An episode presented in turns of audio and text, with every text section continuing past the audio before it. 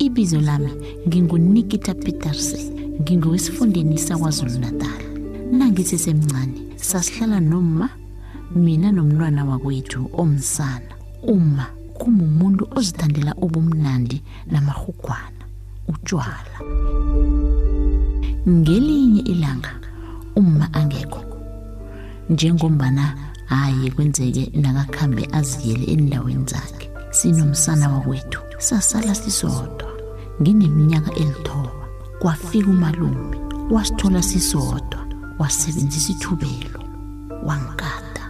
Okubuhlungu nasele ngikhumbula isehlakalo esisengimkhulu kukuthi kunesikhandeli esifakwako nakuyiwa emsemeni ikhondomu kodwana umalume akhange ayisebenzise nakangigagadlelako nanyana kwakungiphethe kabuhlungu kangaka lokhu ngabhalelwa kukhuluma ngiyiveze uzangibetha namkha enze into embi emntwaneni wakwethu.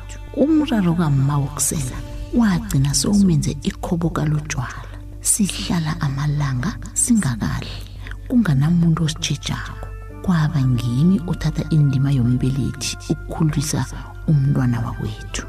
Lokhu kwenza ukuthi mina ngizithole sengiyokuhlaliswa ekhaya lendandane ngepelaveke bengibabona abantu bekhaya. Nasele ngikhulakhulile kwaba nesihlobo sekhaya esasinomunye umuntu.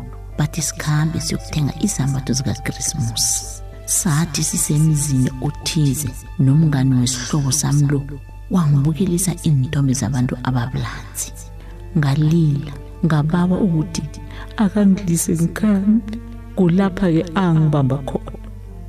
Wangigagadlela. Noma sengilile akangasizwe isililo sami wenza akwenzako. Wanginikela imali wathi ngiyokuthenga izambatho zikakrismusi ngasuka lapho ngakuhamba ngenyawo ibanga elide. Ngithonda bengayokufika ekhaya. Ngafika ngabhalelwa kubikela uma ngisaba ukuthi angeke angikholwe. Ngokuhamba kwesikhathi ngagula. Ngehla nomzimba. Ngaya kwadokotere ngiyokuhlola ingazi kulapho ngabikelwa khona ukuthi nginomulwana wentumbandonga i-hiv ngathukwa khulu ngezwa ubuhlungu. Kukunenge okugijima emkhumbulweni wami ngizibuza ukuthi impilo yami iyokuba njani? Khani ngiyokufa na kubani ozabe asangithanda? Ngizokuba naye umuntu ozongitshata ngibe nabentwana. Ngombana ngangigula ngagcina ekuseleni amapeli okuma-arv ngibhalelwa kuveza enhlobeni zami ukuthi ngikhambe njani kodokotela ngalesi sikhathi uma besele adlula ephasini. Kwafika lapha ngiyiveza khona. Engakutholako ngemva kwalokho kwaba ngebe ngikulindele. Bathi kimi awazi kanti ukuthi ummakho wabulawa yi-hiv abanye bathi akhange wafunda isifundo ngommakho kanti yakhamba iminyaka. Uzimu amuhle. Kwaba nomuntu engihlangana naye. Sathandana ngambikela ngobujamo bami akhange anginine.